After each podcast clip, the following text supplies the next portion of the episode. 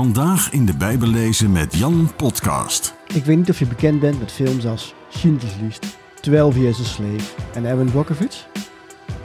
Deze films gaan over personen die echt hebben geleefd. De film lijkt echt en realistisch, maar je weet dat je niet naar de echte gebeurtenissen en mensen kijkt. Eigenlijk gaat het om een weergave van die gebeurtenissen. Een interpretatie zelfs. Het is ook heel belangrijk om te realiseren dat als je leest over Abraham, over David of over Jezus, dat je beseft dat je leest over mensen die werkelijk hebben geleefd, maar dat het verhaal zoals dat in de Bijbel is opgeschreven een weergave van het leven is. De eerste mens, Adam, leefde bijna duizend jaar, maar toch beslaat zijn verhaal slechts enkele pagina's. Als wij een verhaal over Adam zouden verzinnen, dan zouden we hier veel meer details in stoppen en zouden we het ook vrij psychologisch benaderen.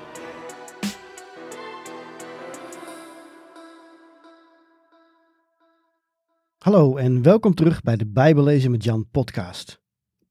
We zijn bezig met een korte serie over een van de genres in de Bijbel, namelijk Bijbelse verhalen.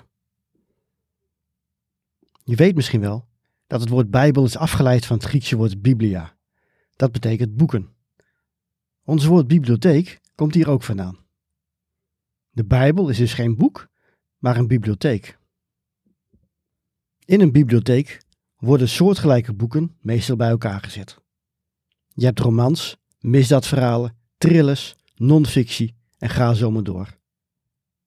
Bij videostreamingdiensten als Netflix heb je precies hetzelfde.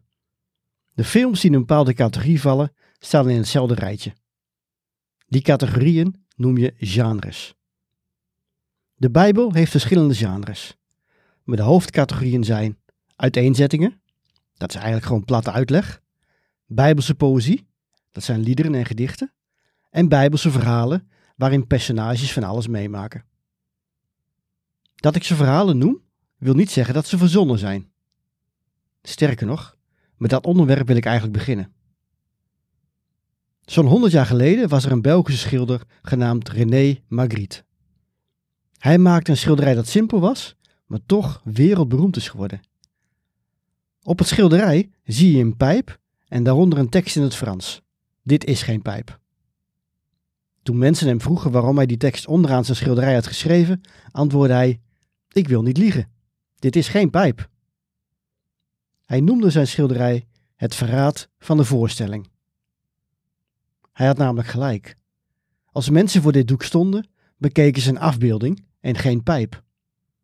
Je kon er immers geen tabak in stoppen en dat via het schilderij oproken. Zijn kunstwerk is geen pijp, maar een weergave van een pijp. Ik weet niet of je bekend bent met films als Schindler's List, 12 Years a Slave en Evan Brockovich. Deze films gaan over personen die echt hebben geleefd. De film lijkt echt en realistisch, maar je weet dat je niet naar de echte gebeurtenissen en mensen kijkt. Eigenlijk gaat het om een weergave van die gebeurtenissen. Een interpretatie zelfs. De acteurs doen hun best om zo geloofwaardig mogelijk over te komen. Met hun woorden, hun intonatie en hun lichaamstaal proberen ze te communiceren hoe hun personage over iets denkt of wat hij of zij voelt. Dat is hun interpretatie. De regisseur maakt ondertussen slimme keuzes met zijn camera. Wil je weten dat iemand gevaarlijk is? Dan wordt bijvoorbeeld ingezoomd op het pistool dat hij verborgen heeft in zijn jaszak. Zo word je als kijker een bepaalde kant op gestuurd en soms de verkeerde. De redder in nood blijkt toch de schurk te zijn, bijvoorbeeld. En wat zie je niet in films of lees je niet in boeken? Dat mensen boodschappen doen of naar de wc gaan. Onbelangrijke details worden weggelaten, anders zouden de verhalen veel te lang duren. Je ziet alleen iemand boodschappen doen als het belangrijk is voor het verhaal. Het is ook heel belangrijk om te realiseren dat als je leest over Abraham, over David of over Jezus, dat je beseft dat je leest over mensen die werkelijk hebben geleefd, maar dat het verhaal zoals dat in de Bijbel is opgeschreven een weergave van het leven is. De eerste mens, Adam, leefde bijna duizend jaar, maar toch beslaat zijn verhaal slechts enkele pagina's. Hij wordt gemaakt, leeft in de tuin, geeft alle dieren een naam, krijgt een vrouw, eet van de verkeerde boom wordt het paradijs uitgejaagd en krijgt nageslacht. Dat is alles wat we over hem horen.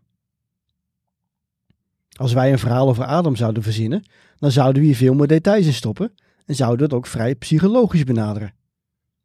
Misschien wilde hij altijd al gelijk zijn aan God. Of misschien was hij hopeloos naïef. Wat maakte eigenlijk dat hij geen stand kon houden tegen de slang? Voelde hij zich schuldig na afloop? Probeerde hij het goed te maken? Werd hij boos op Eva en op God? Probeerde hij de slang misschien later te doden? Dat zijn allerlei interessante plotlijnen die we zouden kunnen volgen. En als ik een roman zou schrijven over Adam, zou ik dat er allemaal in verwerken. Maar de Bijbel vertelt dan op het oog een veel simpeler verhaal en laat bovendien veel details weg die voor ons interessant zijn. Waren er bijvoorbeeld al andere mensen? Hoe kon later anders Kain bang zijn voor die andere mensen? De Bijbel is soms zo spaarzaam met details dat zo'n verhaal voor ons ongeloofwaardig wordt. Het klinkt meer als een sprookje dan iets dat werkelijk is gebeurd. Maar vergis je niet. De verhalen in de Bijbel zijn geen sprookjes. Dat wij de vertelstijl niet goed begrijpen, wil niet zeggen dat ze niet daadwerkelijk zijn gebeurd en dat ze geen geestelijke waarheden bevatten. Ja, de Bijbel volgt geen journalistieke normen uit de 21e eeuw. Wij willen de feiten op een rij hebben op een manier die voor ons logisch is. Toen en toen gebeurde dit en dat, met die en die. Geen enkel boek uit de oudheid volgt die journalistieke normen. Deze vorm van communiceren is relatief nieuw. Dat brengt ons bij de vraag: wat is een verhaal? Een aantal jaar geleden las ik het boek A Million Miles in a Thousand Years van Donald Miller. Het is een geweldig boek over een schrijver die al op vrij jonge leeftijd een autobiografisch verhaal had geschreven. Een verhaal over zijn eigen leven dus, en een verhaal over zijn studententijd. Op een ochtend wordt hij gebeld door een filmmaker die zijn levensverhaal wil verfilmen. Hij gaat akkoord en ze gaan aan de slag. Eerst moet een script worden gemaakt. Dat is gek, want hij heeft al een boek geschreven. Toch is een script nodig en daar brainstormt hij over met de filmmakers. De schrijver valt van de ene verbazing in de andere. Want wat de filmmakers namelijk doen is, ze pakken echte gebeurtenissen en vertalen die in scènes in een bepaalde volgorde, zodat zich een verhaal ontvouwt. Waar in het echte leven de gebeurtenissen elkaar willekeurig lijken op te volgen, ontwikkelen de makers een verhaal. Dit leidt tot de onvermijdelijke vraag in het boek: wanneer is iets een verhaal? Donald Miller volgt een seminar bij een beroemde scriptschrijver van wie ik ook een les heb gehad, Robert McKee. En deze McKee leert hem wat een verhaal is. Millers conclusie is dat een verhaal een personage is die iets wil bereiken en die obstakels moet overwinnen om dat te bereiken. Volgens hem zijn de elementen van een verhaal dus een personage, wat iemand wil bereiken of wat iemand nodig heeft, conflicten en obstakels en tot slot een soort van overwinning. Je kunt het nog duidelijker zeggen. In een verhaal zijn één of meer personages. Dit zijn mensen over wie het verhaal gaat. Zij willen iets bereiken, maar worden tegengewerkt. Soms door zichzelf, soms door anderen of soms door de omstandigheden. Ze doen hun best die obstakels te overwinnen en dat lukt of dat lukt niet. In elk verhaal heb je met drie dingen te maken: met personages, met een plaats, dat is waar iets gebeurt, en met het plot. In deze podcastaflevering wil ik me richten op het plot. Wat is een plot? Een plot is eigenlijk de manier waarop een verhaal verloopt. In de Disney-film The Lion King wordt de vader van een kroonprins vermoord en het leeuwtje vlucht de jungle in. Daar wordt hij opgevangen door een zwijn en een stokpaardje. Ze vermaken zich op het best, tot Simba erachter komt dat zijn eigen familie hem nodig heeft. Hij keert terug, verslaat zijn gemene oom en herstelt het koninkrijk. Het is bijna een bijbels verhaal. De manier waarop deze gebeurtenissen, deze scènes zijn geordend, is het plot. Laten we eens kijken hoe dit naar voren komt in het verhaal van David, die een ontmoeting heeft met de Filistijnse reus. Je vindt het verhaal in 1 Samuel 17. En ik lees het voor uit de NBV-vertaling, de versen 12 tot en met 51, maar tussendoor zal ik een stukje overslaan. En hier staat: David was een zoon van Isaï uit Bethlehem, dat in de streek Efrata en Juda ligt. Deze Isaï had acht zonen. Hij zelf was in de tijd van Saul al te oud om nog onder de wapenen te gaan, maar zijn oudste drie zonen trokken met Saul ten strijde. De oudste heette Eliab, de tweede Abinadab en de derde Samma. David was de jongste. Zijn oudste drie broers waren met Saul ten strijde getrokken, maar David ging heen en weer tussen het kamp van Saul en Bethlehem, waar hij de kudde van zijn vader hoedde. Ondertussen trad de Filistijn, dat is dus Goliath, elke ochtend en elke avond naar voren. Veertig dagen lang.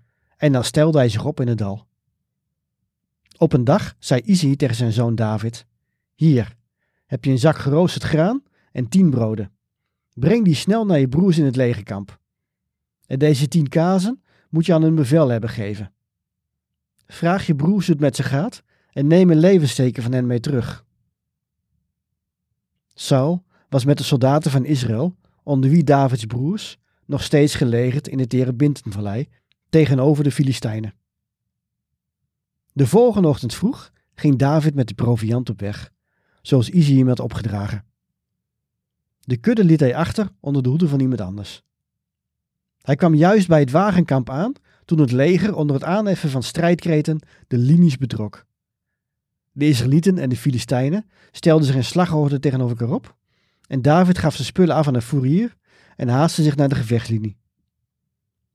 Daar vond hij zijn broers en hij vroeg hun hoe het met ze ging. Terwijl hij met ze aan het praten was, trad uit de Filistijnse gelederen de kampvechter naar voren. Goliath uit Gat.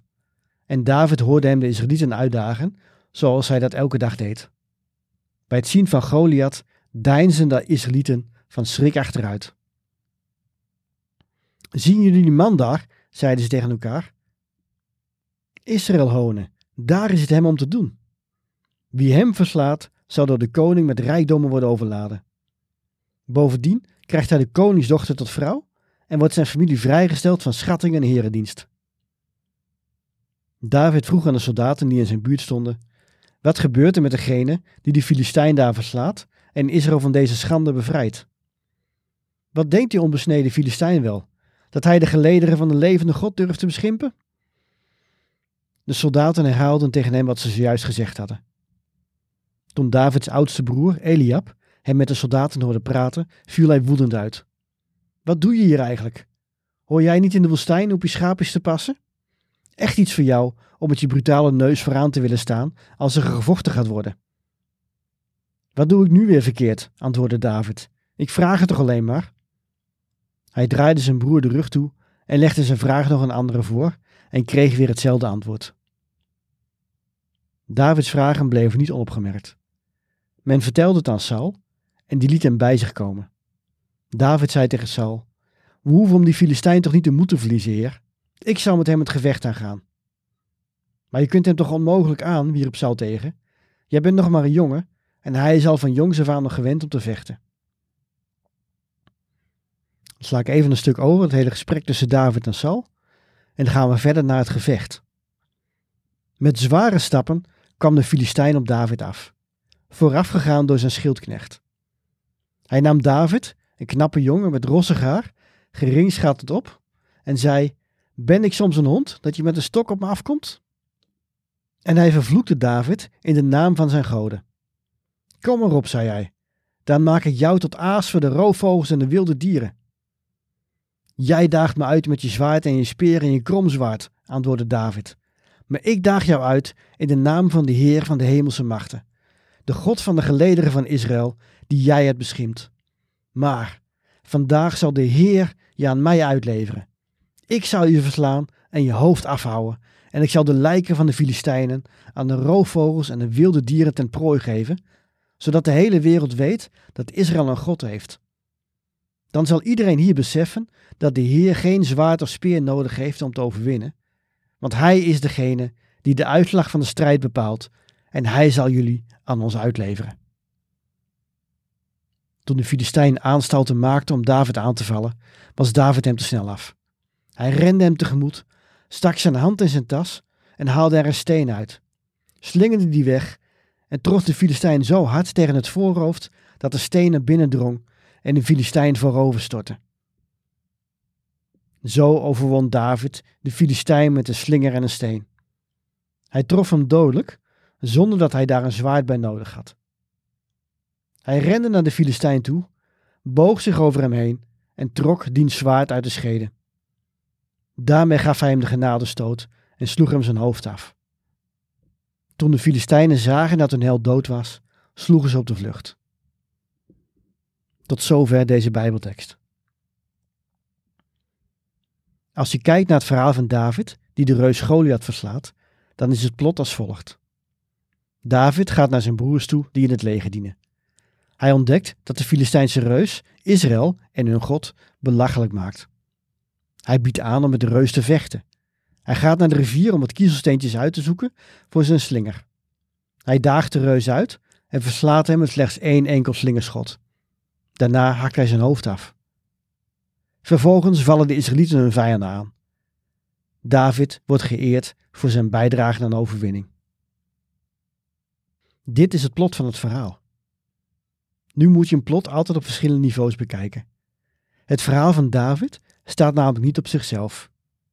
David, die Goliath verslaat, is een klein plot. Maar als je wat uitzoomt en het verhaal in de context leest, dan besef je dat er ook nog een conflict aan het ontstaan is tussen David en Saul.